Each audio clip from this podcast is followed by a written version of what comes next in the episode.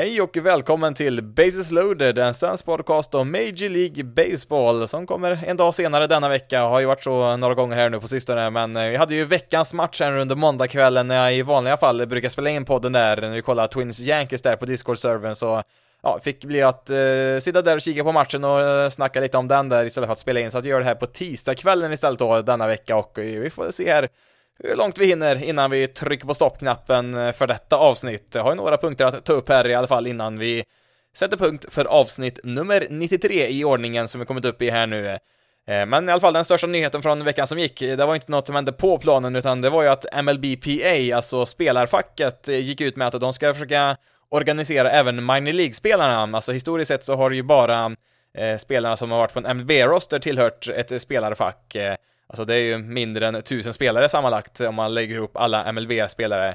Eh, men kollar vi på alla minor League-spelare, ja där har vi ju typ 5000 spelare, så det, är ganska många som har stått utanför en eh, gemensam organisation som kunnat förhandla eh, åt dem i, ja, i olika frågor då och ehm, ja, det är ett ganska stort steg det här alltså. Ehm, Eh, ML, MLBs, eh, eller ja, MLBPA har ju varit väldigt framgångsrika i många, eh, många eh, förhandlingar i många, många år, alltså vi pratar årtionden, det var väl någon gång på 70-talet tror jag någon gång som de först drog igång där och eh, förhandlade fram bland annat Free Agency och ja, en massa andra saker längs vägen.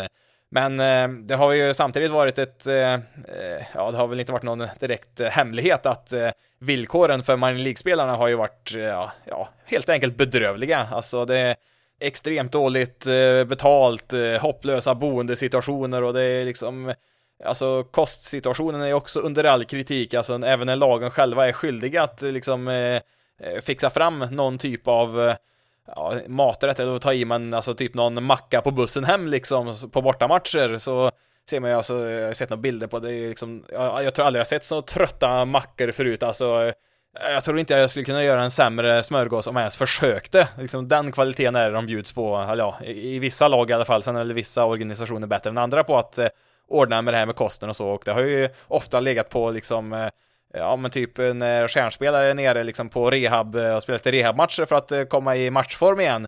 Då är liksom de får liksom eh, lägga ut pengar och liksom köpa in ordentlig mat och så de kan bjuda man League-spelarna på liksom. Det har ju liksom varit Eh, lite av en tradition att man gör så, att man bjuder spelarna på mat där om man eh, kommer ner från MLB-rostern och ja, det är ju såklart snällt och ja, är man Max Scherzer som gjorde det här bland annat eh, under våren där när han var skadad så ja, då drabbar det inte någon fattig direkt. Det är klart att han har råd att köpa in en hygglig lunch till 25 spelare eller så. Det, det, det är inte något snack om det, men varför ska spelarna behöva ta, ta sig an det här? Det borde ju ligga i lagens intresse att liksom mata sina spelare med en ja, åtminstone en hygglig lunch. Alltså det är ingen som kräver att de ska få gå på lyxrestaurang eh, liksom i AA varenda, varenda kväll de spelar match alltså. Men alltså, eh, ja men, ja men köp in lite spagetti och köttfärssås bara för den sakens skull. Alltså det, inte ens det får de väl ibland när de spelar hemmamatcher och så. Alltså, det borde ju som sagt ligga i lagens intresse. Det är elitidrottsmän för guds skull vi pratar om här som ska eventuellt bli framtida MLB-spelare. De måste ju eh, trycka i sig en massa mat och helst bra sådan också. Och det kommer ju nästa grej in när de får så extremt dåligt betalt, alltså det är inte många tusen dollar en del spelare får på ett år, alltså en del tjänar ju mindre än 10 000 dollar per år, alltså mindre än 100 000 svenska kronor. Ja, försök att leva på det ett helt år, det är inte helt lätt. Och ja, ska man köpa in mat eh, Eh, Eh, med den budgeten så, mm, ja, vart går man då? Ja, då går man dit det finns billigast mat. McDonalds är väldigt billigt där borta, till exempel. Det är väl knappast den lunch som man vill att en spelare ska trycka i sig samtidigt som de ska vara, som sagt, en elitidrottsman. Så det, alltså, det, det är, det är så sjukt hela det här systemet. Alltså visst, många utav de mest lovande spelarna har ju fått eh, åtminstone en ganska hygglig eh, eh, signing-bonus när de skriver på som draftval eller som internationella free agents. Eh, visst, det är ju en del som kanske har fått över en miljon dollar där, så de klarar sig ganska bra, men det finns ju även de spelarna som kanske får kanske tusen eller två tusen dollar, alltså typ 10 till 20 tusen. De pengarna räcker ju inte speciellt länge om man ska spela några år i ett minor League-system, kan vi inte direkt påstå. Så det är liksom spelare som måste hitta jobb liksom eh, på vintern och så när det inte är någon eh, ordinarie säsong, men de måste fortfarande träna och som sagt då, håll uppe kosten för att eh, kroppen ska må bra, så att det är ju liksom ett heltidsarbete även när säsongen inte är igång, för Ja men tänk dig en spelare som slutar spela i, liksom i september när man säsongen är slut och så ja, gör de ingenting och så helt plötsligt så står de där i februari, mars när spring training drar igång. Alltså den spelaren kommer ju kommer ligga väldigt, väldigt långt efter alla andra och kanske, ja i värsta fall tvingas, eh, tvingas ifrån laget för att han inte håller helt enkelt. Alltså man kan ju inte bara liksom säga att ah, men vi betalar er när vi spelar matcher. Alltså de här får inte ens betalt i spring training. De får väl någon, eh, ja, de får väl någon liten summa för, för mat eh, när de är med i spring training, men de får inte betalt en enda krona för att, eh, för att vara där på plats och spela. Det, ja, alltså det Alltså för den mångmiljardindustrin som Major League Baseball är så är det ju så extremt snålt och, och även boendesituationen som jag nämnde där, alltså de i många fall så bor de kanske 6-7 stycken i en och samma lägenhet som kanske har ett eller två sovrum, så de ligger ju liksom kanske flera stycken på en luftmadrass i ett vardagsrum liksom där och ska försöka eh, återhämta sig efter en dag med träning eller matchspel eller vad det nu är, så återhämtningen är minst lika viktig som själva träningen också såklart eh, för att man ska hålla över en hel säsong.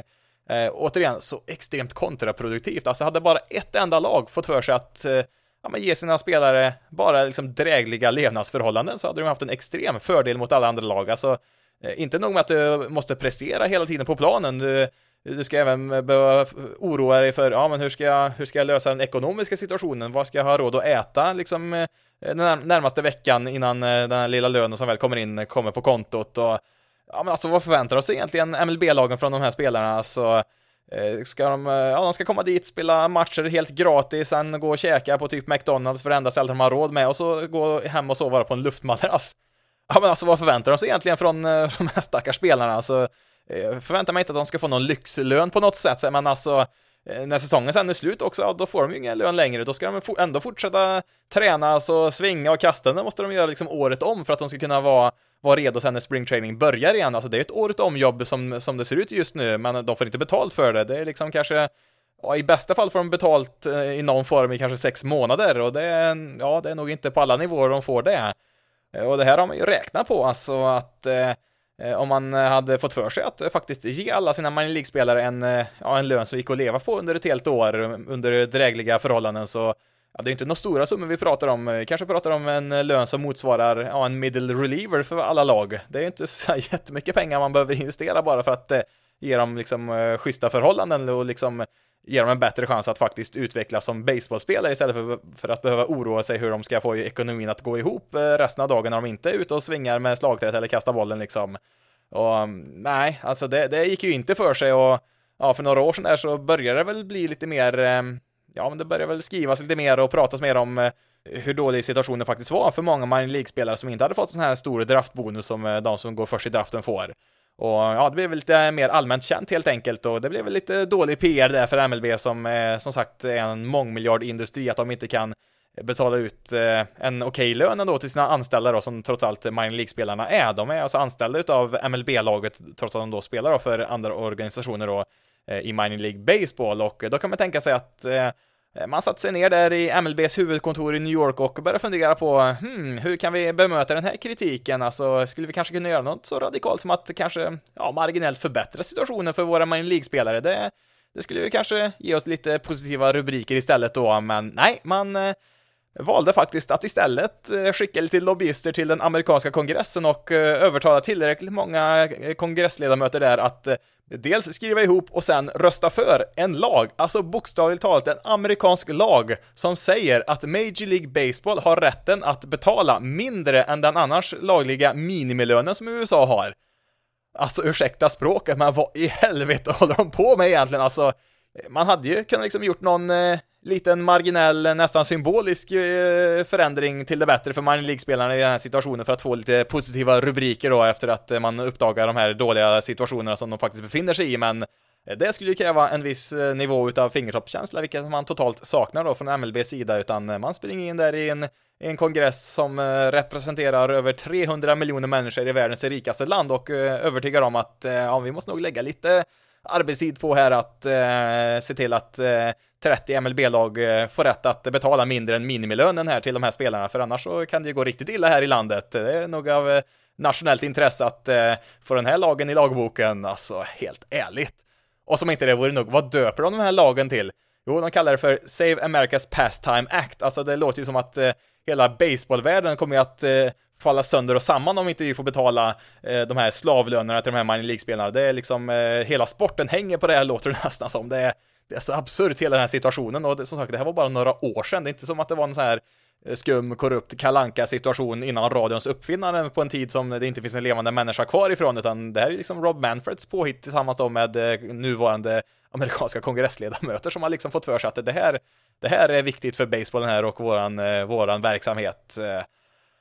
Ja, det, det, finns mycket man kan säga om den här situationen eh, kring minor League-spelarna och eh, det är väl, det är väl kanske eh, med den kunskapen så är det väl kanske inte så knepigt att man, man får nog till slut och ser ut att då för första gången i sin historia då organisera sig som minor League-spelare. Det, ja, man är väl inte lika positivt inställd till fackförbund där borta i USA som vi kanske är här i Sverige och visst, alla fackförbund är väl inte helt perfekta varenda gång, men i just den här situationen kring eh, MLBs minor League-spelare så tror jag till och med den mest eh, tveksamma till eh, facklig organisation får nog hålla med om att ja, jo, här kan det nog faktiskt behövas ett, en organisation som kan föra minor League-spelarnas intresse och framförallt då förhandla som en gemensam grupp för att kunna sätta press på MLB-lagen att ge dem bättre villkor. Alltså en minor League-spelare kan inte göra någon förändring. 5000 minor League-spelare, ja, då kanske man kommer någonstans. Eh, man kommer ju aldrig att kunna bli mångmiljonär på att spela en massa år i AAA, det är liksom inte det man är ute efter, men hyggliga anställningsvillkor, det är väl inte för mycket att begära ändå, och om MLB inte vill ge det frivilligt, nej, då får man helt enkelt organisera sig fackligt som man är på väg att göra här, och eh, ja, det är svårt att inte heja på minor League-spelarna här mot, eh, mot stora stygga MLB i just det här fallet.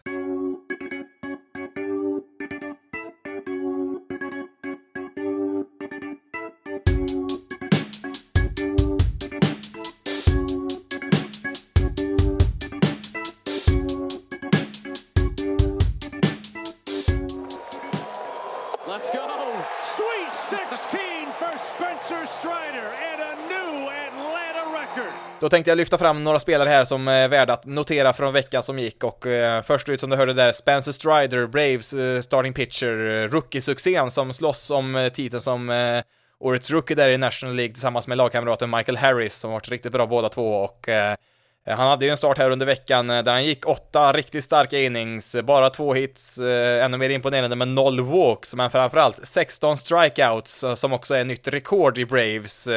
Det tidigare rekordet hade ju Braves-legenden John Smoltz, hade ju 15. Men nu är det då Strider som bara gjort, ja det var hans 17 MLB-start bara i karriären, så slog han det rekordet. Sen visst, sen Smoltz spelare som visserligen inte någon evighet sen, så har ju antalet strikeouts ökat ganska rejält, så att det är väl inte helt chockerande att en eh, pitcher idag eh, slår eh, strikeout-rekord, men ja, imponerande ändå för Strider som han inledde ju säsongen i Brace Bullpen, han gjorde ju sin första start 30 maj och har ju sedan dess varit en av MLBs, ja faktiskt bästa starting pitchers, även om han då kanske inte riktigt har så många innings då som de som har startat från, från opening day såklart, men det som är riktigt imponerande med Strider det är att han han strike ut lika mycket motståndare som starter som han gjorde när han var reliever. Alltså relievers eh, brukar ju naturligt eh, strike ut eh, eh, mer motståndare än vad en starter gör. Alltså en reliever kan ju verkligen tömma sin arm på bara en inning. En starter ska ju orka med lite fler än så.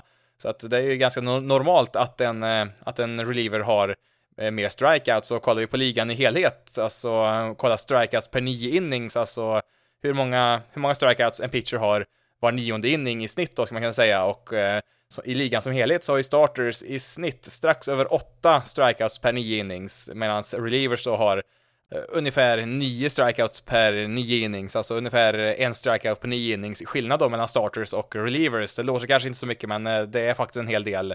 Och kollar vi på eh, bland starting pitchers, vem som har mest strikeouts per 9 innings, eh, då är Spencer Strider överlägsen etta, alltså det är ingen som ens är i närheten. Han strikar ut, ska vi se, han har 13,6 strikeouts på 9 innings. Eh, tvåan, eh, det är Otani, vilket är imponerande så att han ligger så högt upp där också.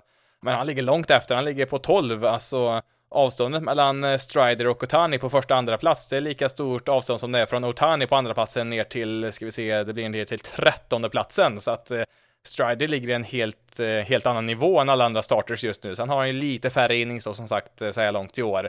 Men eh, ja, det är en riktig strikeout-maskin. Alltså kollar vi på relievers, det är bara, ska vi se, det är bara fyra relievers som strikar ut mer slagmän än vad, vad Strider gör som, som starter, vilket är riktigt imponerande och det är ju inte vilka som helst som ligger före honom där som relievers, utan det är ju liksom Ja, vi har Edwin Diaz, ja, han har 17 strikeouts på 9 innings, vilket är, det är tv-spelsiffror det.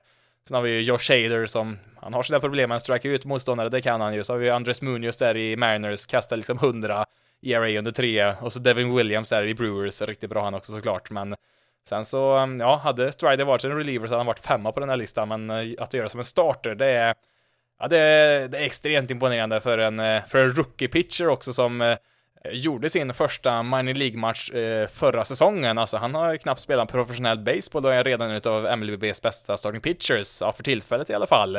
Alltså han draftades i fjärde rundan 2020 och det var ju pandemisäsongen där när det inte var någon minor League-säsong så att han gjorde ju sin första match som sagt eh, som proffs eh, 2021 där och gick ju igenom ja, hela deras farmsystem i princip ända upp till AAA då förra året och han kastade väl två innings för Braves eh, i förra året där men Eh, Eh, det är ju den här typen av spelare som eh, en organisation som Braves hittar och sen utvecklar, alltså de som har en riktigt stabil organisation på plats, liksom från lägsta till högsta nivå. Eh, sen visst, det är väl kanske inte någonting man ser varje dag, en spelare som spelar ett år i minor League Baseball sen kommer upp på en komplett starting pitcher. Det, det tillhör väl kanske inte vanligheterna ens eh, för de eh, bästa organisationerna, men eh, det är väl kanske inte en total slump att det var just Braves som dels hittade honom och sen utvecklade honom till den pitchen som han är just nu. Sen får vi se om han håller i det såklart. Eh, ska komma ihåg att Förra året kastade han ungefär 100 innings, han är uppe i 114 nu, så får vi se hur många innings del han har i armen. Man har väl pratat på att eh, om man blir trött är att man kanske skickar ner honom i deras bullpen igen om man om man blir för trött i armen igen eh, här lagom till slutspelet. Eh, men eh, ja, någonting finns uppenbarligen kvar då med tanke på att han eh, kastade 16 strikers här under veckan som gick. 1-1 serve, swinging a base hit out into right center. Arise breaks up the no-no. Man kan ju tycka att eh, hemmakommentatorn eh, borde vara ganska nöjd när hans lag eh, leder med en, eh, ja, var det 12 eller 13-0 vid det där laget, men eh, ja, besvikelsen gick inte att ta miste på där i rösten eh, när han fick se Dylan Seas eh, tappa sin no-hitter efter 8 och 2 tredjedels innings. Alltså, han var en out från en no-hitter Seas här under veckan som gick. Eh, Eh, det var väl kanske inte den mest tacksamma uppgiften han fick där i SIS, att eh, få den där sista outen mot Luis Arise av alla spelare där i Twins som kom upp för att slå. Eh, han, ja, Arise har väl spelat lite sämre på sistone, men han leder väl, eller ligger kanske tvåa nu i batting average i American League, så att som sagt, det kanske inte är den optimala motståndaren man vill se där för att slutföra en no-hitter och ja, retsamt nära där. Sen ja, som lite plåster på såren där så stannade ju Seas kvar i matchen och fick den där sista outen till slut, även om det inte blev en no-hitter och Ja, han ligger faktiskt i en ganska bra, bra position här nu, Dylan Seas, att eh, kanske ta, ta Cy Young-titeln. Alltså, hade det varit en omröstning idag så hade ju Justin Verlander utan tvekan tagit den titeln, men han är ju skadad just nu, så att det finns ju tid här att eh, komma ikapp honom. Eh, även Shane McLanahan ligger väl bra till i den omröstningen, även han har blivit skadad här nu. Eh, så det finns väl ändå en realistisk chans för Sis att eh, komma ikapp här. Det har ju varit en eh, tung säsong överlag för White Sox, men just Dylan Sis har varit den stora ljuspunkten där. Även Sis strikar ut väldigt mycket slagmän som Strider, men har väl lite mer problem med walks. Han har väl kastat, ska se, 156 innings, ERA på 2,13. Det, det är inte fy skam det är direkt. Eh, Verlander ligger, ligger, väl eh, lite under två där, men eh, det, det finns ju som sagt tid att komma ikapp där nu när både Verlander och McLennan är skadad. White Sox som sagt har ju varit en stor besvikelse i år, men de har faktiskt spelat lite bättre än på slutet och är bara två matcher från första platsen i divisionen, så det, det pekar väl lite åt rätt håll, även om jag inte är direkt övertygad om laget som helhet ännu, även om man spelat lite bättre nu på sistone. Sen kan man ju spekulera i om det har någonting att göra med Tony LaRuses frånvaro. Han fick ju tyvärr då lite dåliga nyheter där. Han gjorde väl några hälsotester där som eh, inte såg så bra ut, så att han har fått eh, ta ett steg bakåt här och vila lite grann, så att det är deras benchcoach som eh, sköter laget nu. Jag vet inte om de har sagt hur länge det ska vara, men ja, han har fått mycket skit, LaRusa, i år och visst, han, han ska nog kanske inte ha det där jobbet, men det är ju tråkigt om det på det här sättet han måste pensionera sig permanent om det skulle vara så illa. Alltså, han har ju varit manager sen ja, första året han var manager var 1979. Eh, han har varit med ett tag, så att det är väl kanske inte så knepigt om eh, kroppen börjar säga emot till slut. Alltså det är nog eh, inte det mest stressfria jobbet han sitter på där och eh, med tanke på åldern så, mm, ja, vi får helt enkelt hoppas på att det, det löser sig till slut och så får vi se om han orkar med att eh, slutföra säsongen som deras manager eller inte. Drill deep to left field. There it goes! See ya! A long home run into the second deck. Number 54! And the Yankees lead 4-2. Nog om eh, pitchers, nu ska vi ta lite sluggers, eller ett par stycken i alla fall. Den sista jag ska prata om är väl så långt ifrån en slugger man kan komma, men ja, mer om honom senare. Vi, vi snackar ju såklart Aaron Judge här som eh, slog homerun nummer 54 här i måndags, eh, faktiskt under veckans match som vi satt och tittade på där eh, i direktsändning.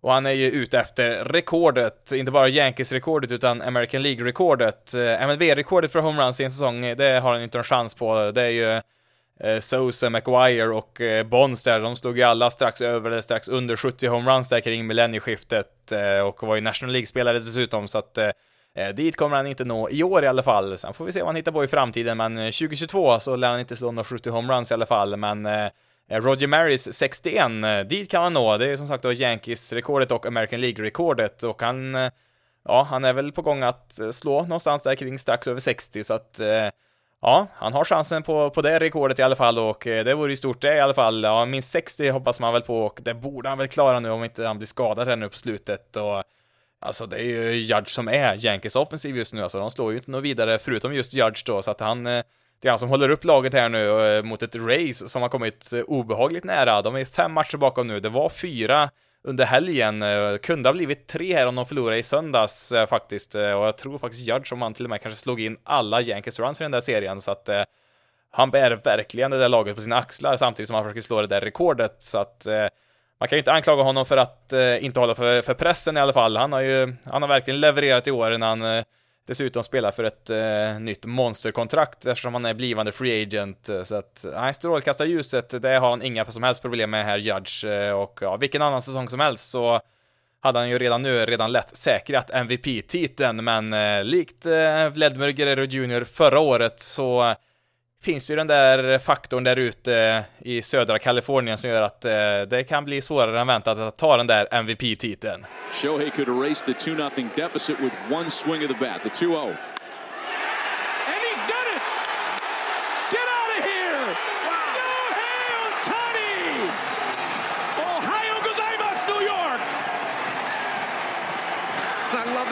Oh my God!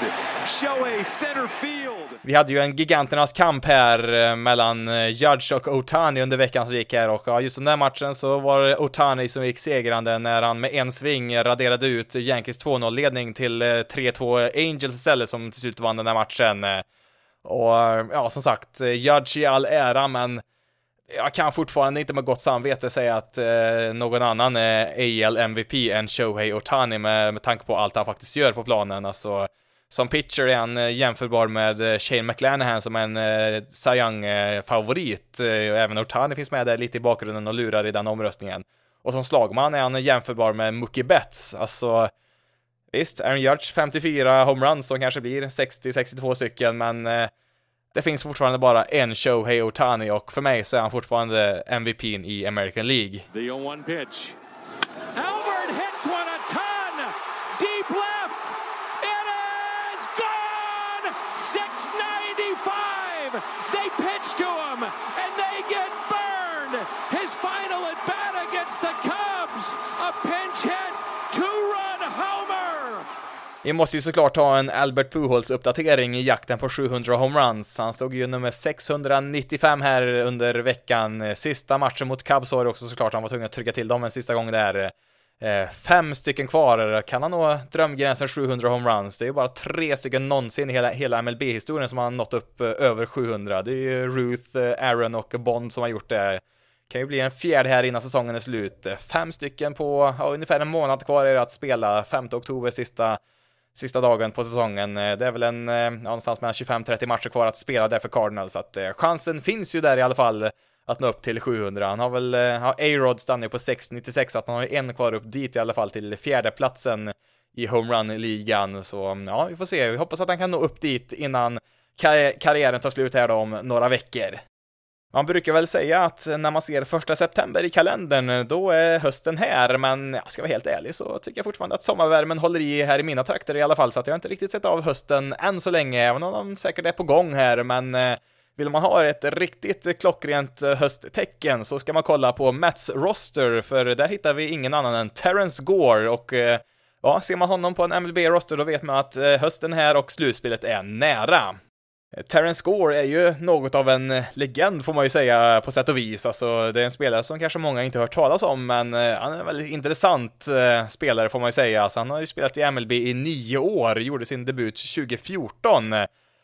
Men han har bara 15 hits på de där nio åren. Det är ju inte sådär jättemycket, men han har inte spelat så mycket på MLB-nivå heller ska vi säga, för att eh, han är helt ärligt en väldigt dålig baseballspelare, i alla fall på MLB-nivå. Eh, förutom i en enda aspekt där han är fruktansvärt, fruktansvärt bra. Han är nämligen hur snabb som helst. Eh, alltså, vill du ha en pinch runner, då finns det ingen annan du vill ha än Terrence Gore, för han är som sagt fruktansvärt snabb. Det är liksom det han är bra på, ingenting annat. Eh, alltså som sagt, han har 15 hits i sin MLB-karriär, men han har 41 stolen bases, alltså han har mer stolen bases än hits. Det säger väl en del om, eh, om hans eh, eh baseball-egenskaper. Eh, men det som jag tycker är allra bäst med Terrence Gore, ehm, eller ja, bäst och bäst, men eh, mest intressant eller roligast kanske man kan säga, det är ju att om vi kollar på topp 10-listan över bäst betalda spelare i MLB just nu, eh, om vi kollar på totalkontrakten, eh, så har de tio spelarna sammanlagt tre stycken World Series-ringar, alltså det är en lista med Mike Trout, Francisco Lindor, Tatis, Machado och Garrett Cole och så vidare. De, det är de med största kontrakten helt enkelt. De har tre World Series-ringar tillsammans. Det är för övrigt exakt lika många World Series-ringar som Terrence Gore har helt själv. Som sagt, legend. Eh, ja, jag är lite osäker faktiskt på om han har den där tredje World Series-ringen. Han har garanterat två med Royals och Braves och han med där i höstas där han spelade en slutspelserie med dem där. Han var även med Dodgers lite grann 2020, men jag vet inte om han spelade där i slutspelet, så jag är inte helt hundra på att han fick eh, en eh, World Series-ring där med Dodgers, men eh, jag, vill, jag vill föreställa mig att han har det i alla fall. Det är mycket roligare så i alla fall. Eh, det brukar ju vara så att han letar sig in på en MLB-roster där i september när när man får ha 28 spelare med i sin roster istället för 26 då, så brukar man komma upp där och ja, komma i form där till slutspelet där när man kan behöva någon, någon snabb spelare där av bänken. Eh, som sagt, det är ju hans specialitet där och eh, ja, han är ju med Mets här nu i år så att det finns ändå en chans att han kan få en potentiellt fjärde World Series-ring också. Det, det, är absolut en möjlighet här och han gjorde ju då sin Mets-debut här under veckan som gick och ja, vad han hittade han på i sin Mets-debut kan man ju fråga sig. There goes Gore. The throw by Will Smith, and he's safe.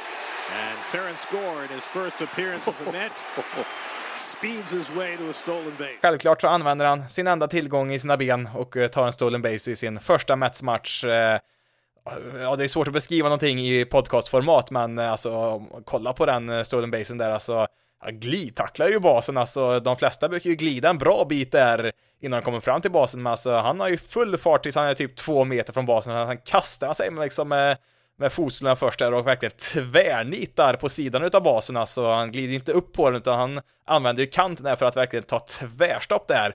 Alltså hade det varit en fotbollsmatch där så hade det varit ett solklart eh, guldkort i alla fall för att den går in med dobbarna före, för att de verkligen smäller ju in där i basen och så ställer han sig bara upp där, alltså det kan inte vara Nej, det kan inte vara bra för kroppen att utsätta den för sådana där krafter som man ser där, framförallt för knäna, det kan inte vara bra alltså, men ja, med tanke på hur sällan han faktiskt är på planen så kanske han kan passa på de få gångerna han är där att eh, verkligen gå all in som han gjorde här. Men ja, som sagt, Terrence Gore, riktig legend.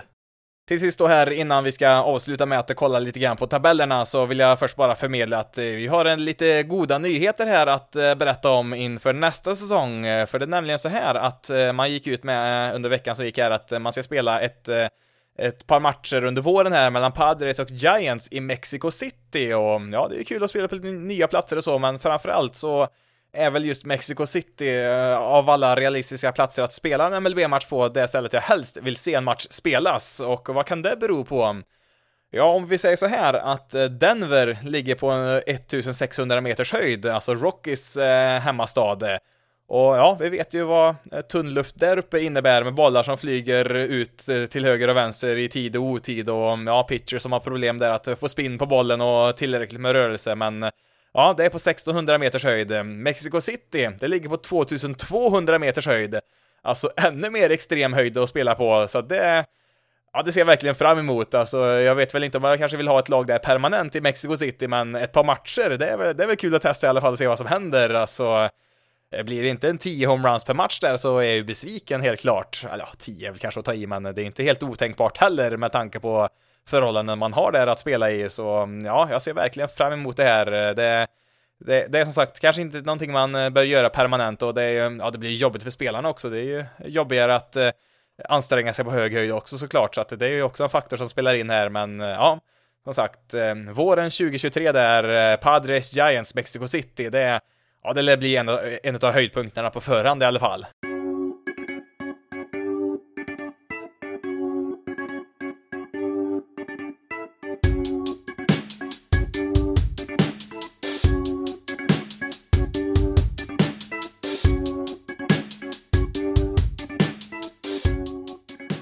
Nu så här i slutet på säsongen så är det väl bra att göra lite eh, regelbundna uppdateringar på tabelläget här och eh, ja, vi kan väl göra en snabb koll på hur det ligger till här nu i de olika divisionerna och i wildcard-racet. Jag pratade lite grann om Yankees och Race förut. De är ju fem matcher som skiljer dem åt just nu. Var ju fyra i söndags och ja, hade Race vunnit den där söndagsmatchen hade det varit tre matchers skillnad mellan dem och Yankees. Då hade det blivit nervöst på riktigt där, men ja, nu har man en liten lucka igen där Yankees, men eh, ja, helt säkra är de eh, inte där när det gäller divisionssegern i alla fall, men eh, då har vi lite mer spänning i AL Central. Det är liksom tre lag inom två matcher. Vi har ju Guardians som leder då en match före Twins som i sin tur är en match före White Sox. Det är ju, ja, det är helt öppet här vem som ska ta hem den här divisionen. Jag vet att Guardians och Twins har en del matcher mot varandra här nu de närmaste veckorna som kanske avgör den här divisionen. Så får vi se om White Sox då kan Eh, fortsätta spela eh, på den nivån de har gjort här nu på den sista tiden. Eh, eh, så att där som sagt är det helt öppet vilket lag som eh, ska ta hem divisionen, för jag tror som sagt inte något av lagen kan ta en wildcard-plats. Twins är ju sex och en halv match bakom en wildcard-plats. Det tror jag blir tufft för dem där, men eh, en match upp till Guardians, det är absolut eh, möjligt att eh, kunna plocka in. Ehm, kollar vi National League, om det är någon spänning där, ja, vi har ju NL East. Braves är bara en match bakom Mets nu. Det kan bli tight hela vägen in där, vem som tar första platsen. Det är väl i princip eh, klart att eh, det är laget som blir tvåa i NL East eh, tar ett slutspelsplats. Sen är det ju då vem som blir etta och vem som blir tvåa. Det är absolut inte klart. Det ser däremot ut att vara i NL Central. Cardinals har sju och en halv match ner till Brewers nu, så att den divisionen är väl i princip avgjord skulle jag säga nu. Eh, det var väl kanske den jämnaste divisionen bara för ett par veckor sedan, men eh, ja, det ser ut som att Cardinals eh, fixar det här till slut om inte Brewers kan få till något mirakel här, eller att Cardinals på något sätt kollapsar. Kollar vi på wildcard-ställningarna så, ja, på American League-sidan så har vi fått lite separation här mellan de tre wildcard-lagen och lagen under strecket. Eh, vi har ju Rays, Mariners och Blue Jays fortsatt på de där tre wildcard-platserna och de har i princip samma record. Det är någon enstaka match som skiljer dem åt där bara, så att eh, i vilken ordning de hamnar i, det, det är långt ifrån klart, men eh, kanske det viktigaste för de lagen är att de har fyra och en halv match ner till Orioles som är eh, närmaste lag utanför eh, slutspelsplatserna där. De har tappat lite här nu på slutet. De har ju spelat eh, mot Blue Jays här nu bland annat. Jag tror Blue Jays har en massa matcher mot dels Orioles och Rays här, så att eh, de kommer väl ta en del matcher från varandra här nu, men just nu så, ja, lite uppförsbacke där i Baltimore. Sen har vi som sagt då Twins, White Sox är ju 6,5 eh, respektive 7,5 match bakom. Det, det blir tufft för dem att ta där, så att eh, det, det, börjar väl se ut som att det kanske blir de där tre lagen som har legat på wildcard-platserna eh, ett bra tag här nu som tar dem där till slut. Om inte Orioles har en sista push i sig här, det vore ju kul om de kunde utmana i alla fall där ända in i slutet. Eh, kollar vi på wildcard-racet i National League så, um, ja, återigen, det laget som blir tvåa i, i NL East eh, kommer ju ta första wildcard-platsen. Det är väl i princip färdigt. Eh, det är ju då Braves eller Mets. I nuläget så har ju Braves då tio matcher ner till andra wildcard-platsen, så att den den där första platsen är väl i princip färdig då för antingen Braves eller Mets. Men sen är det då de två sista platserna som tre lag som slåss om. Det är ju Phillies och Padres är väl i princip på samma record. Sen har vi Brewers som är två matcher bakom där i nuläget utanför slutspelet, så att där är det fortsatt tajt där om de sista två platserna. Phillies har ju inte inlett september speciellt bra, vilket är extra oroväckande med tanke på att de har under flera år här nu på sistone underpresterat ganska kraftigt i just september. De har haft en del kollapser Eh, på senare tid och eh, ja, finns väl en risk att de hamnar där igen och ja, det skulle väl vara typiskt när man ändå spelat så pass bra som man gjort i år om det är ytterligare en dålig septembermånad som ska förstöra ännu en säsong och göra att de missar slutspelet i år igen. De har inte varit där sedan eh, 2011 tror jag. De har den näst längsta slutspelstorkan. Det är bara Mariners som har en längre just nu i MLB så att eh, det kan bli en svettig månad det här för Phillies-fansen. Ja, inte för att Padres och Brewers-fansen börjar känna sig så himla säkra de heller, men eh, ja, det det finns eh, som sagt en hel del att spela om här de sista veckorna också. Då tänkte jag ju avsluta här, men ja, vi måste klämma in en eh, snabb veckans bästa och sämsta, men första veckans statistik. Och vi får väl göra en trippel på något sätt och trycka in en sak som passar in på på alla tre kategorier. Och eh, ja, vi kan ju inte lämna detta avsnitt ut, utan att eh, nämna Eh, Joey Meneses, en människa jag inte ens visste existerade för typ två veckor sedan, eh, eftersom jag inte har kollat speciellt många Nationals-matcher på sistone, vilket jag inte tror många av er som lyssnar heller har gjort, men eh, ja, han är tydligen eh, en spelare som existerar på Nationals roster och har ju seglat upp här som en liten publikfavorit här nu på sistone runt omkring MLB. The 2-2. Meneses to right center. Chasing after it's Pache. He's back onto the track. It's gone! Joey Meneses took him 10 years to get his big league opportunity. And boy, is he making the most of it. Vem är då Joey Meneses? Ehm, ja, han kom till Atlanta Braves organisation som 19-åring 2011 och studsade omkring där i deras eh, minor League-system i bra många år där. Sen var han även en sväng i Philadelphia och i Boston. Tror även han var utomlands där ett, eh, ett tag också, men eh, Inför den här säsongen då så hamnade han i Nationals AAA-lag först och främst, men sen här under sommaren så Eh, gjorde ju tydligen Nationals en eh, trade för någon outfielder eh, som man tradade bort och eh, ja, ni kanske har hört talas om Juan Soto och eh, ja, då behövde man ju Ja, behövde man ersättare helt enkelt, så att efter mer än ett årtionde i diverse minor League-lag så fick Joey Meneses äntligen chansen att eh, göra sin MLB-debut och ja, vilken debut han har gjort! Eh, sen han kom upp här så har han spelat eh, 29 matcher. Ja, både han och Juan Soto har spelat i princip lika mycket faktiskt. Eh, och precis som vi alla då trodde så är det ju såklart Meneses utav de här två som har de klart bästa offensiva siffrorna sedan den här traden.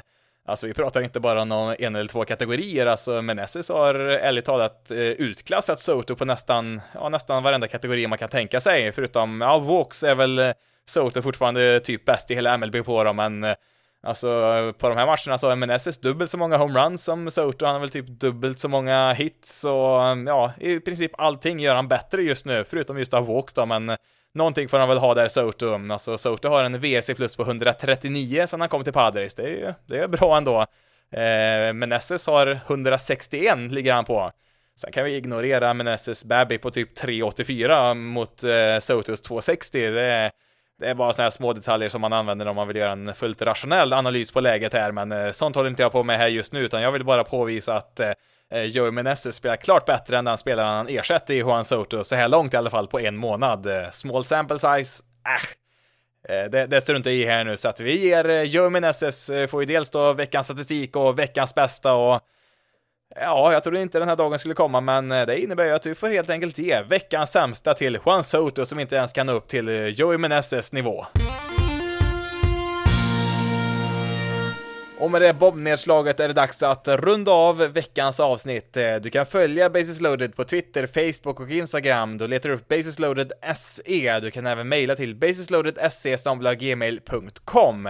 Det finns även länkar till allt det här i beskrivningen till detta avsnitt och det finns även en länk där till Discord-servern. Nu har vi inte någon veckans match kvar den här veckan, den har ju redan varit då i måndags, men det, det blir ju ändå nästa vecka istället. Jag tror det kommer bli eh, torsdag nästa vecka när har vi White Sox Guardians där i en match eh, vid sjutiden om jag inte minns helt fel, så att eh, det är väl den matchen i nuläget vi siktar på där för veckans match då och eh, då är man såklart eh, välkommen eh, in i Discord-servern där för att chatta antingen via röst eller via text. Länken som sagt i beskrivningen. Du får även jättegärna sätta betyg och skriva omdömen om den här podcasten i din podcastapp, eh, för det hjälper andra då att hitta den här podcastappen på diverse podcastlistor och så vidare. Men nu har jag pratat tillräckligt för idag. Mitt namn är Jonathan Fabri. Tack så jättemycket för att du har valt att lyssna på detta avsnitt av Basis loaded. Ni får ha det så bra där ute, så hörs vi i nästa veckas avsnitt.